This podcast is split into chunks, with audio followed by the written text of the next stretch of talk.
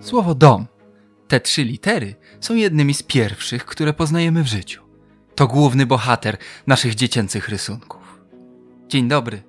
Przy mikrofonie Krzysztof Story, a wysłuchacie podcastu powszechnego. W tych rozmowach moi goście pokazują, że dom to znacznie więcej niż tylko cztery ściany. Zapraszam. Czujcie się jak u siebie w domu.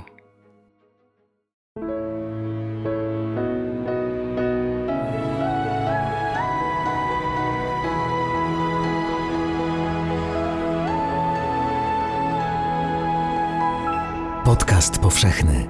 Weź, słuchaj. 16 stycznia 10 nepalskich wspinaczy stanęło na szczycie K2, ostatniego niezdobytego zimą ośmiotysięcznika. To wejście prowokuje do rozmowy nie tylko o sportowym wyczynie w najwyższych górach na świecie, ale też o ludziach, dla których te góry są domem i źródłem utrzymania. O tym wszystkim rozmawiam z moją gościnią Elizą Kubarską. Eliza jest wielokrotnie nagradzoną reżyserką, podróżniczką i alpinistką, autorką filmu Ściana Cieni. Dzień dobry, Elizo. Dzień dobry, witam. Wypada nam chyba zacząć od gratulacji.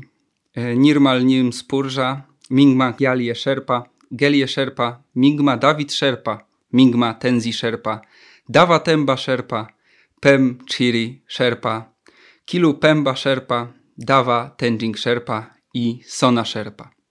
Ta dziesiątka to pierwsi zimowi zdobywcy K2. Co czułaś, co myślałaś, y, gdy usłyszałaś o sukcesie Nepalczyków, o sukcesie tej wyprawy? No wielka radość. Bardzo, bardzo się ucieszyłam. Oczywiście czekałam do ostatniego momentu, e, żeby się dowiedzieć, że cała ekipa bezpiecznie zeszła do base campu, bo jak wiadomo, to jest tak naprawdę koniec wyprawy, a nie samo wejście na szczyt. Natomiast oczywiście to, co się wydarzyło, że to e, dziesięciu ludzi z Nepalu e, zdobyło K2 zimą, coś, co było marzeniem tak naprawdę wielu wypraw z całego świata, bo przecież e, te wyprawy na K2 zimą już odbywały się w ostatnim sezonie, w ostatnich sezonach e, właściwie każdego roku. Oczywiście wiemy, jak bardzo zależało na tym naszym Polakom.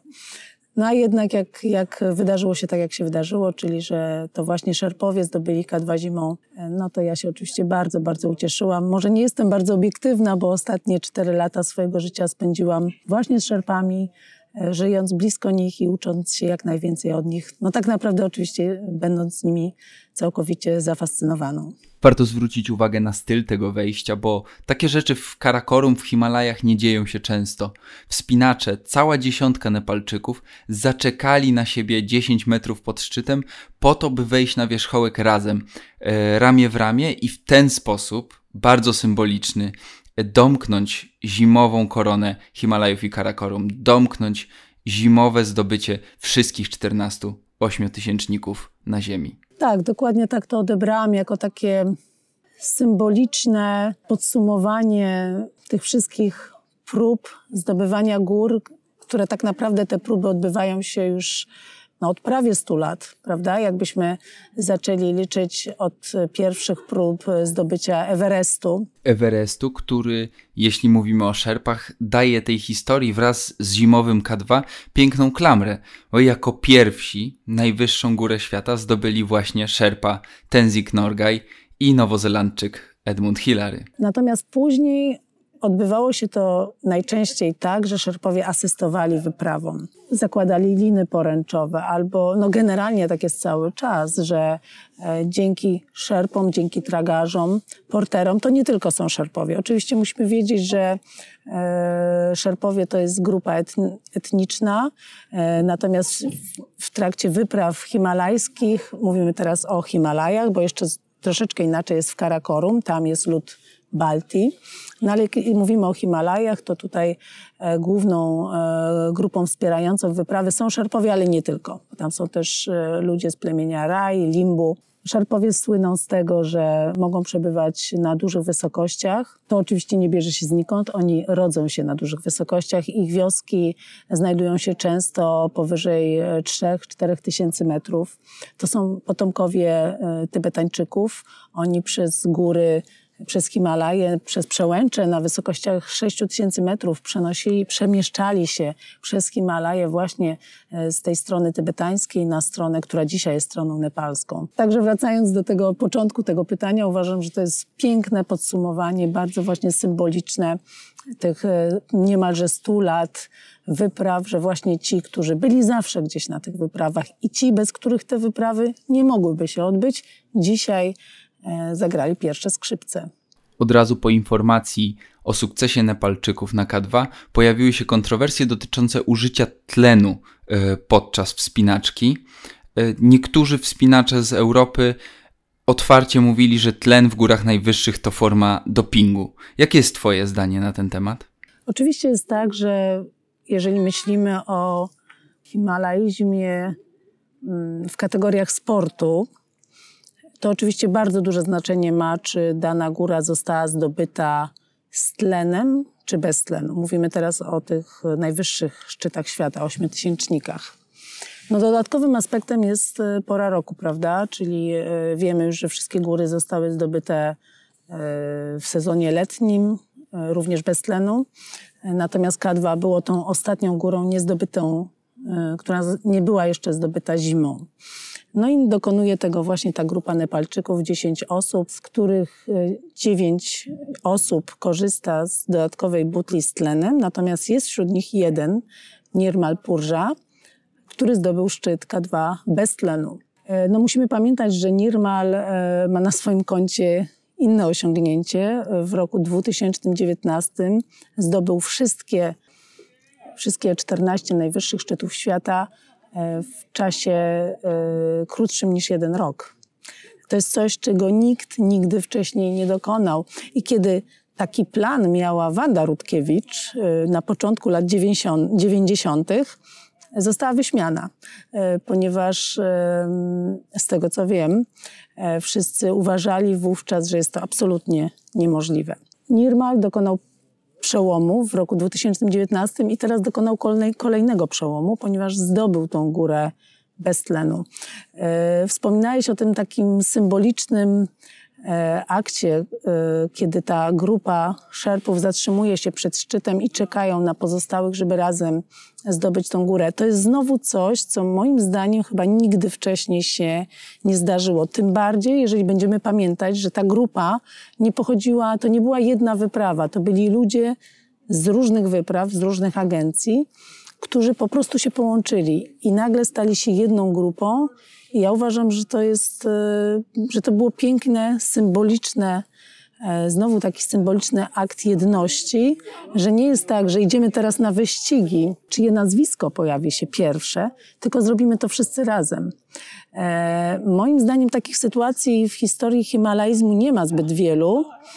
Dlatego no to, to możemy tu mówić, nie wiem, ja nie nazywałabym tutaj kontrowersją tego, że oni wchodzą z tlenem. No wielokrotnie ludzie zdobywają ośmiotysięczniki z tlenem. Jakoś nie ma problemu później i nadal zmienia to całą ich historię życia. E, w naszym świecie, mówię tutaj o kulturze Zachodu, ale nie tylko, nie chodzi mi tylko o e, kraje Europy Zachodniej, bo, bo to się dzieje w różnych miejscach na świecie. E, zdobycie Everestu jest nadal czymś, co jest bardzo ważnym wydarzeniem. Potem taki człowiek staje się osobą medialną, pisze książki, a taki bohater mojego filmu, Ściana Cieni, o którym może za chwilkę troszkę więcej opowiemy, Nada, zdobył Everest dziewięciokrotnie i tak naprawdę w żaden sposób nie zmieniło to jego życie. Ja dlatego chciałam zrobić tą właśnie historię o szerpach, żeby, żeby opowiedzieć o tym, jak tamci ludzie żyją i że wiele, wielokrotnie można zaryzykować stwierdzenie, że że są może nawet lepsi od tych swoich e, klientów, których wprowadzają na, na te szczyty. Rekordzista Nepalczyk Kamirita Sherpa wspiął się na szczyt Everestu 23 razy w swoim życiu. E, Nims, czyli Nirmal Purża, e, zrobił koronę Himalajów i Karakorum w zaledwie 189 dni. To są osiągnięcia z perspektywy zwykłego Europejczyka po prostu nierealne. A mimo to wspinacze z Nepalu, z Pakistanu bardzo długo pozostawali w cieniu swoich europejskich kolegów film, o którym wspomniałaś, trochę w ten cień zagląda, bo opowiada historię zwykłej szerpańskiej rodziny. Pierwszym pomysłem było to, żeby właśnie opowiedzieć o szerpach, ale nie opowiedzieć o nich w taki sposób encyklopedyczny, bo takie filmy gdzieś tam się zdarzały, e, które opowiadały o tym, kim są szerpowie. Natomiast e, ja bardziej chciałam w ogóle poczuć, jak to jest być szerpą i przede wszystkim, co mnie bardzo ciekawiło, to było pytanie, co ci szerpowie myślą o nas, o, o wyprawach, o ludziach, którzy przyjeżdżają z innych krańców świata, żeby zdobyć jakąś górę. I tak naprawdę e, takich filmów nie było. E, I później, kiedy zaczęłam się szykować do tego filmu, w pierwszej kolejności postanowiłam rozmawiać ze wspinaczami, z różnymi himalajstami z całego świata. Tu nie chodzi tylko o Polaków. I zaczęłam zadawać im pytania typu, kim byli twoi, twoi porterzy, z jakiego plemienia pochodzili, jakim językiem mówili, w co wierzyli. I najczęściej e, ci wspinacze nie byli w stanie prawie powiedzieć nic na temat swoich porterów. I, i to mnie bardzo zdziwiło, ale to był kolejny, kolejny taki e, impuls do tego, że, że mój pomysł na film, który będzie opowiadał historię wyprawy, ale z punktu widzenia szerpów jest, jest dobry, że to jest właśnie ten moment, że, że trzeba wreszcie coś takiego zrobić, bo ja też tak jak ty teraz zastanawiałam się, jak to się dzieje, że ta symbioza wspinaczy i szerpów trwa już prawie 100 lat, a my bardzo często nie znamy e, imion e, tych ludzi, którzy, e, którzy są częścią tej wyprawy bardzo często, bo to już nie chodzi tylko o porterów, tu chodzi też o ludzi, którzy zawieszają liny poręczowe, którzy idą do wysokich obozów, albo też właśnie o tych, którzy wchodzą na te, na te najwyższe szczyty. Dlaczego tak się działo?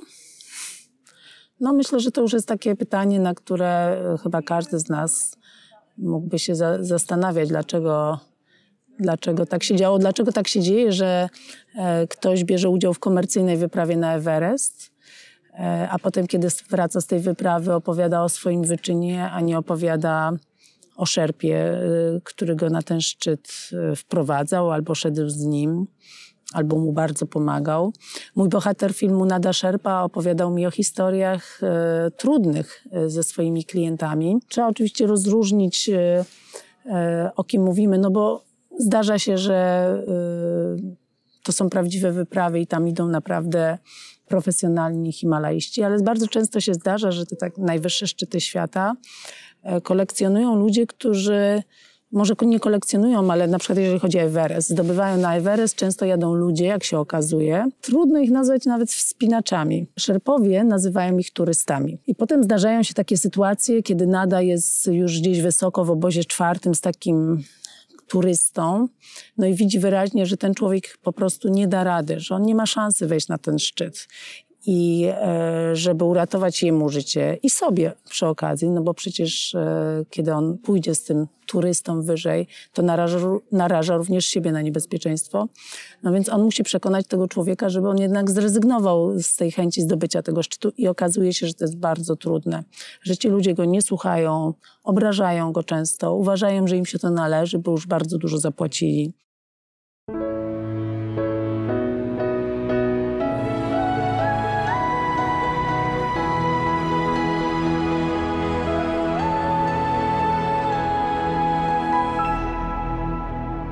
Zdarzyło się Nadzie uratować e, czasami komuś życie, sprowadzić kogoś w bardzo złym stanie.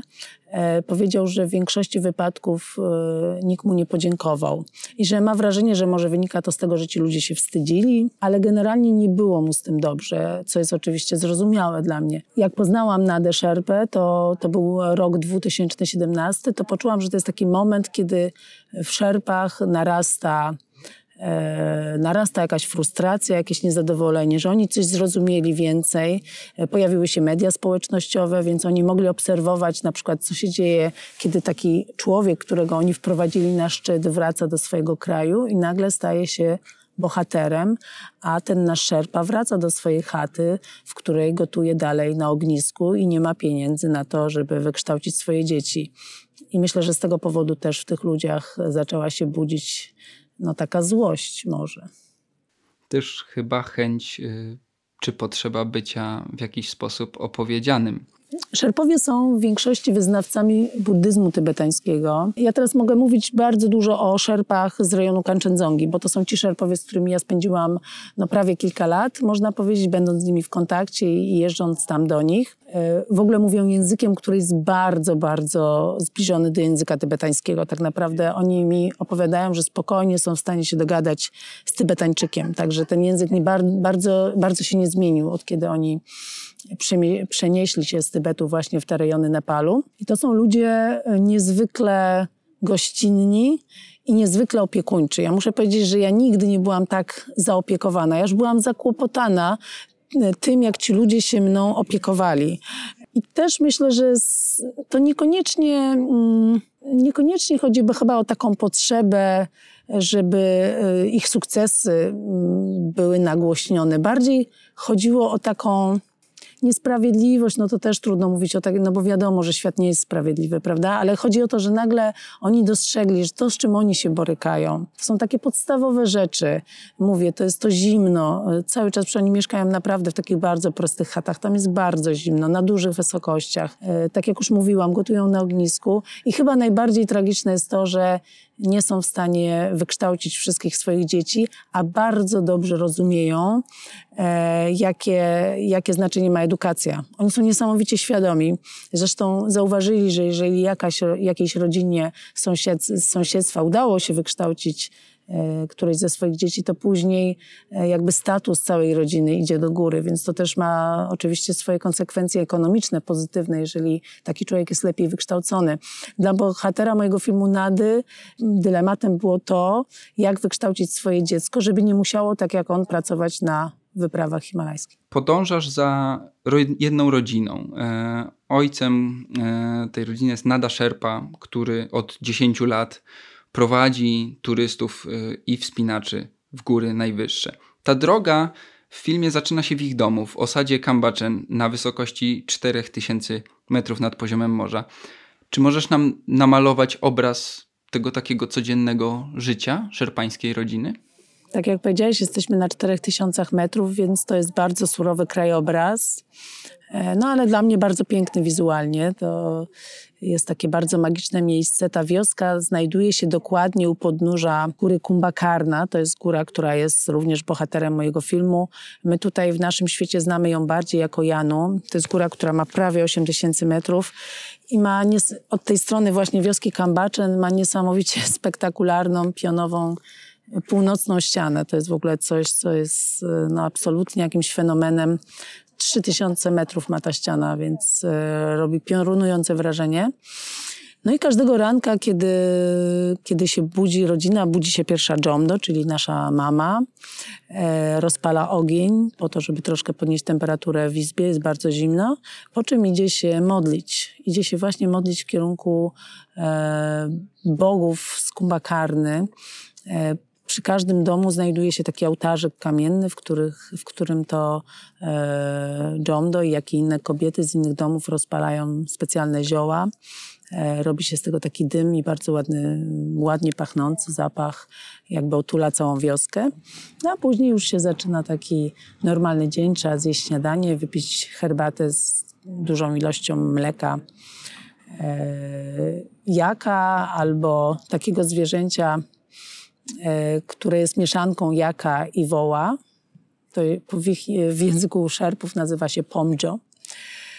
I zaczyna się dzień. Co, co, co oni robią głównie? No oni mogą albo sadzić ziemniaki, bo to jest jedyne warzywo, które rośnie na tej wysokości, albo zbierać te ziemniaki.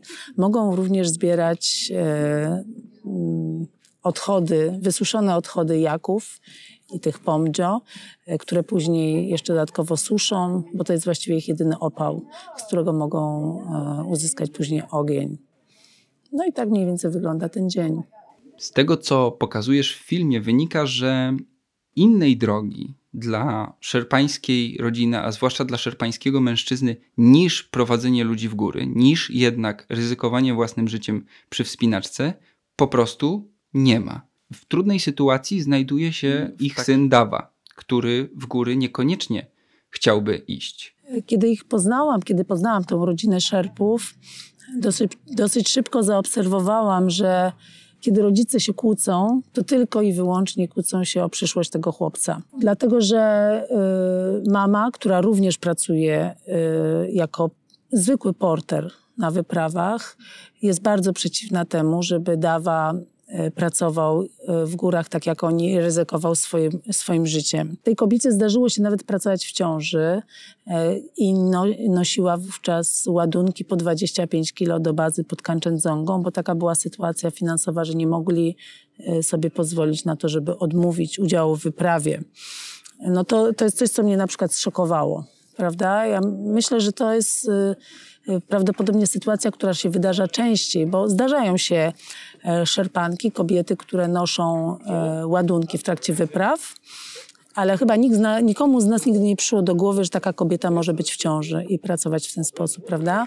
Bardzo często ci ludzie, mówimy o, o takich zwykłych porterach, nie mają odpowiednich butów, Jomdo opowiadała mi właśnie o takiej sytuacji, kiedy szła w jakichś takich śliskich adidaskach e, po jakichś stromych lodowcach i bardzo się bała, ale wiedziała, że nie ma wyjścia, że musi to zrobić. Praca, którą wykonuje jej mąż, czyli nada, no jest jeszcze bardziej ryzykowna, szczególnie jeżeli musi wprowadzić na szczyt e, klienta, który, który nie do końca jest przygotowany na to, żeby zdobyć dany szczyt. E, robi się z tego coś bardzo, powstaje z tego bardzo trudna sytuacja i oni szukają innych możliwości e, dla swoich dzieci. No, Dawa jest ich najmłodszym synem. Dawa jest ich trzecim dzieckiem. E, dwójka pozostałych już została wysłana na, do szkoły w Indiach, bo tam mają rodzinę. Natomiast nie stać już, już na to, żeby wykształcić Dawę. Kiedy rozmawiałam z Dawą o tym, jak on to widzi, to swoje życie, no to on mi przyznał, że on się bardzo boi, kiedy ojciec jedzie na wyprawę, na każdą kolejną wyprawę, że bardzo się boi o życie tego ojca i że absolutnie nie chce tego robić. Uważa, że góry są niebezpieczne. On ma inne marzenia, on właśnie chciałby być lekarzem. Zdarzyło się kiedyś, że y, siostra jego mamy zmarła przy porodzie. Takich sytuacji jest cała, cała masa. Ta wioska, w której, o której mówimy, ona znajduje się no, o dobrych kilka dni drogi od najbliższej cywilizacji. To znaczy, jeżeli mówimy o tak, y, mi to zajęło chyba zejście w dół tydzień, oni są w stanie zbiec jeszcze chyba szybciej. No ale wyobraźmy sobie kogoś, kto idzie, nie wiem, czy to kobieta w ciąży, no to wiadomo, że nie jest w stanie dojść do szpitala, jak, jak zdarza się jakaś sytuacja awaryjna. Właśnie przez to, że są tak bardzo odcięci od świata. Także Dawa, nasz chłopiec tutaj, y, syn z tejże rodziny, postanowił, że on chce być lekarzem.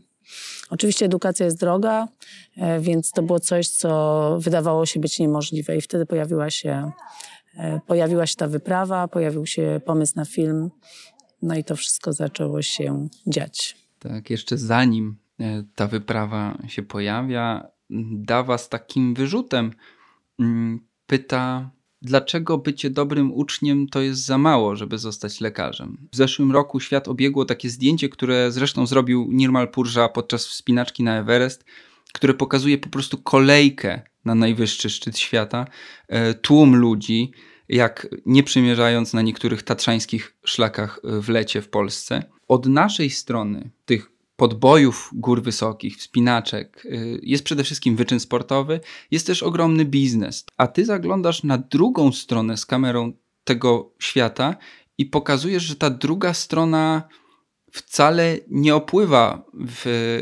takie luksusy, jak mogłoby się wydawać. Ile zarabia taki człowiek jak Nada Sherpa? No to zależy oczywiście od wyprawy. Wiesz, ja nie wiem, jak te cenniki tam się zmieniają. No naj, najbardziej, naj, najlepiej płatną z tych wypraw, w których on bierze udział jest oczywiście Everest. No ale on musi wyjść na szczyt tego Everestu z tym swoim klientem, a najpierw zdarza się, że też bierze udział w poręczowaniu Everestu. To jest, to jest bardzo niebezpieczna praca. Kiedy szerpowie zawieszają liny poręczowe, po których później wszystkie wyprawy po prostu wchodzą.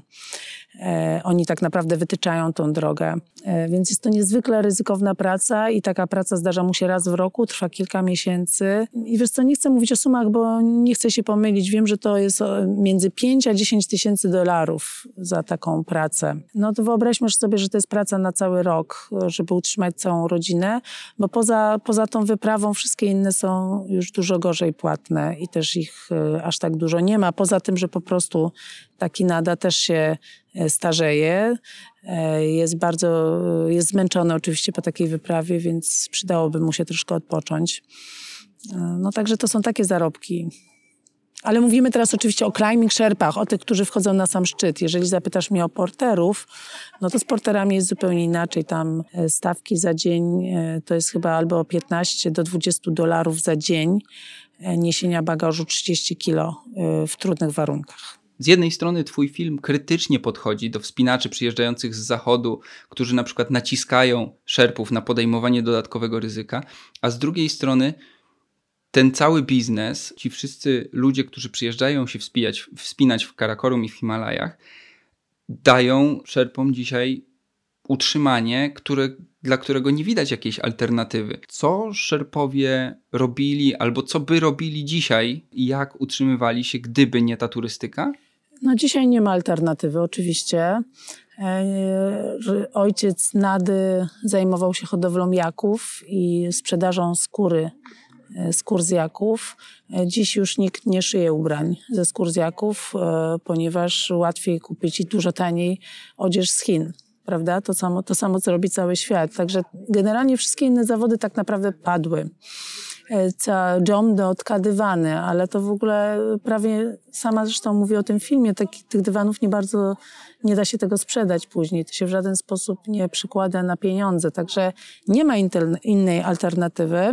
I tak samo jakby nie było moim zamierzeniem krytykowanie e, wspinaczy w moim filmie, e, bo wiesz, sama wychodzę z tego świata, E, sama się wspinam od ponad 25 lat już teraz.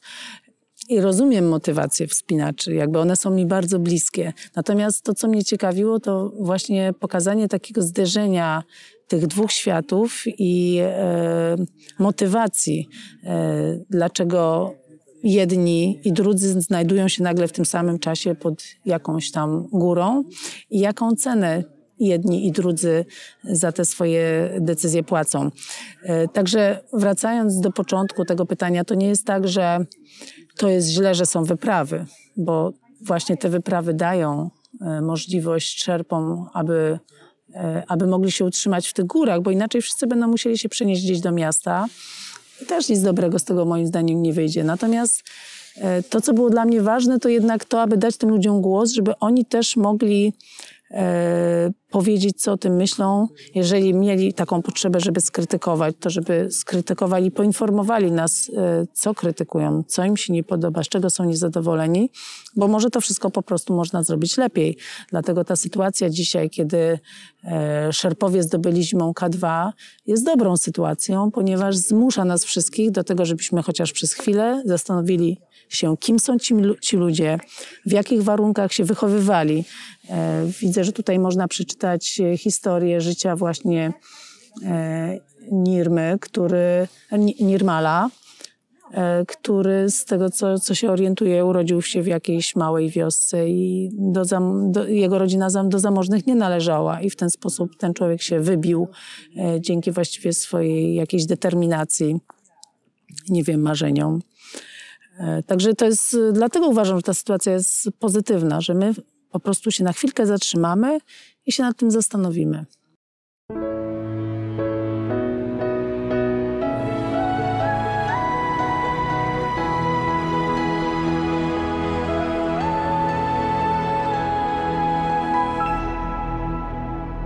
Ja też y, wspinam się i też y, w górach, choć nie najwyższych, bywam.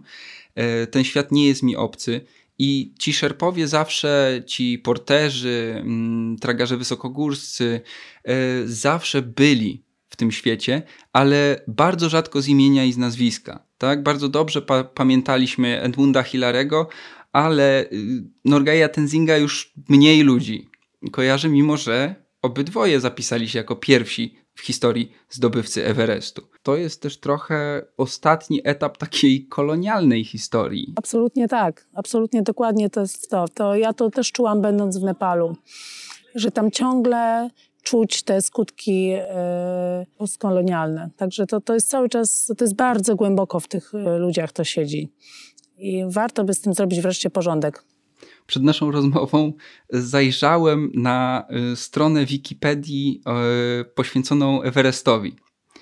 I posłuchaj tego fragmentu. Przez miejscową ludność Everest był uważany za siedzibę bogów. odkryty i po raz pierwszy zmierzony przez geodetów brytyjskich w połowie XIX wieku. Wychodzi na to, że Everest odkryli geodeci brytyjscy. No tak, tak. No właśnie to jest to, że jeżeli my nie zmienimy wiesz, sposobu myślenia w ogóle o świecie, e, ale to jest bardzo trudne, bo ja widzę, że to, to, to, to nawet jest w tych ludziach, wiesz, to, to samo jest w Indiach, w tych wszystkich krajach, które, które były koloniami, E, bardzo, bardzo głęboko, pomimo tego, że kolejne pokolenia minęły, jest gdzieś to w tym wychowaniu, że ci ludzie mają taką właśnie skłonność do usługiwania. Mówię, jeżeli chodzi o szerpów, to wynika bardzo z ich kultury, że oni generalnie wierzą, że jeżeli ja będę dla kogoś miły, to ten ktoś będzie miły dla mnie. I oni naprawdę według tego podążają. Natomiast y, no, to jest właśnie dokładnie to, co powiedziałeś. Y, to są te skutki tego, jak kiedyś był zbudowany świat i my, że my ciągle, wiesz, patrzymy na ten świat i na te góry e, ze swojej perspektywy. E, tak jakbyśmy my byli jakimś centrum wszechświata, prawda? A my tam przyjeżdżamy na chwilę i w ogóle, wiesz, to co mnie, to, co mnie fascynowało w tej mojej relacji z Szerpami, to to, że ja patrzyłam w jaki, y, w jaki sposób oni w ogóle żyją, bo ty mnie zapytałeś o ten ich dzień i ja ci tak opowiedziałam, jak to wygląda, ale tak naprawdę bardzo ważne jest e, to, jak oni postrzegają przyrodę. Dla nich jest bardzo ważne wszelkie znaki na niebie i ziemi odnośnie tego, co się, co się będzie działo w przyrodzie. Są bardzo czujni co do tego, bo oni wiedzą, że jeżeli nie będą respektować tej przyrody, tamtej przyrody, to ona ich po prostu zniszczy. E, a nam, tutaj ludzi z tej naszej zachodniej cywilizacji, to się wydaje, że my w ogóle mamy pełną kontrolę nad wszystkim. A jak pokazuje nam wydarzenie z ostatniego roku, które nadal trwa, mówię teraz o pandemii, e, nie mamy panowania nad niczym.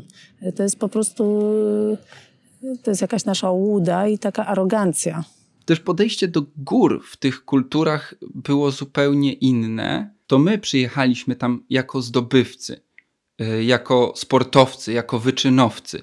Ciekawym przykładem jest właśnie K2, który pokazuje, że e, czy w Nepalu, czy w Pakistanie, czy w Indiach nie do końca był taki, takie podejście do góry jako czegoś, co, się, co trzeba zdobyć albo co można zdobyć.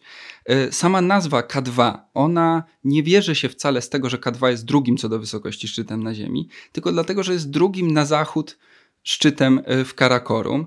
I ona podczas po prostu przeprowadzonej przez Brytyjczyków już inwentaryzacji e, topograficznej została tak ponumerowana. K2 zostało tą oficjalną nazwą dlatego, że lokalnej nazwy na K2 po prostu nie było, bo góra nie była widoczna z żadnej wioski, e, nie była blisko żadnej osady nikt nigdy w Pakistanie nie wpadł na to, żeby tam y, jakoś masowo chodzić albo próbować ją zdobywać. To myśmy przywieźli ze sobą taką mentalność i my dzisiaj warunkujemy to, czy na przykład co jest dopingiem, a co nie jest dopingiem w górach yy, najwyższych.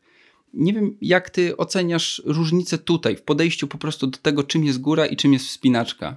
No wiesz co, oczywiście, jeżeli mówimy o Szerpach, znowu przeskoczę do Nepalu, to y, oni postrzegają Himalaje jako królestwo bogów. Y, no i oczywiście warto by to mieć zawsze na uwadze i y, z szacunkiem się do tego odnosić. Wiesz, to, że my ruszyliśmy w góry z chęcią ich zdobycia, no to też nie ma niczego złego, bo z mojej oczywiście perspektywy teraz opowiadam, no bo jest coś takiego, jest to część naszej ludzkiej natury, że chcemy chcemy eksplorować, chcemy odkrywać nowe miejsca. Ja, ja nie uważam, że w tym jest coś złego. Y, to wszystko jest wspaniałe, że my jako ludzie chcemy poznać y, planetę, na której mieszkamy, ale Oczywiście to wszystko powinno się odbywać w szacunku do przyrody i w szacunku do, z szacunkiem do, do miejscowej ludności, zawsze. To się też nawet tyczy zwykłej turystyki, że jeździmy w jakieś miejsce i powinniśmy zawsze wiedzieć, gdzie jedziemy, kto tam mieszka, czy ci ludzie w jakiś sposób nie płacą e, zbyt wygórowanej ceny za to, żebyśmy my tam mogli przyjechać sobie jako turyści na przykład na chwilę. Teraz Szerpowie nagle przejęli ten styl nazwijmy to zachodni, e, czyli nagle oni postanowili też zdobyć tą górę. Nie wiem, nauczyli się tego od nas, że takie góry można zdobywać e, i nagle odkryli, że hello, my mamy jakieś niesamowite e, możliwości związane z przebywaniem na dużej wysokości. No to, to wykorzystajmy to, zobaczmy, co my też potrafimy zrobić. No i, no i potrafili, no zrobili coś, co jest przełomem i, zapisali się na stałe w historii w historii świata na kartach, e, na kartach zdobywców, pierwszych zdobywców zimowych K2. Część z tlenem, a jeden bez tlenu. No, no nie da się tego już, nie da się tego już baga- zbagatelizować. To się wydarzyło. Pełna zgoda. Ja też nie chciałem tutaj demonizować wspinania ani sportowego wyczynu. Chciałbym tylko, żeby przy okazji tego wyczynu, żebyśmy nie tracili z oczu ani przyrody miejsca, w którym jesteśmy, ani ludzi, którzy w nim żyją. By jeszcze lepiej poznać historię tych ludzi, dla których najwyższe góry świata są po prostu domem, zachęcam do obejrzenia filmu Ściana Cieni, który z przyczyn pandemicznych nie jest oczywiście jeszcze dostępny w kinach, ale jest dostępny na platformie VOD festiwalu Millennium Dogs Against Gravity. Moją gościnią była dzisiaj Eliza Kubarska, podróżniczka, wspinaczka, reżyserka, autorka filmu Ściana Cieni. Dziękuję Ci za rozmowę, Elizo. Bardzo dziękuję. To była kolejna odsłona podcastu powszechnego. Ja nazywam się Krzysztof Story i dziękuję Ci za to spotkanie. Do usłyszenia. Współwydawcą podcastu powszechnego jest Fundacja Tygodnika Powszechnego. Jeśli słuchają nas Państwo w Spotify albo w Apple Podcasts, zasubskrybujcie nasz kanał. Jesteśmy też w Google Podcasts i w aplikacji Lekton oraz na www.tygodnikpowszechny.pl/podcast.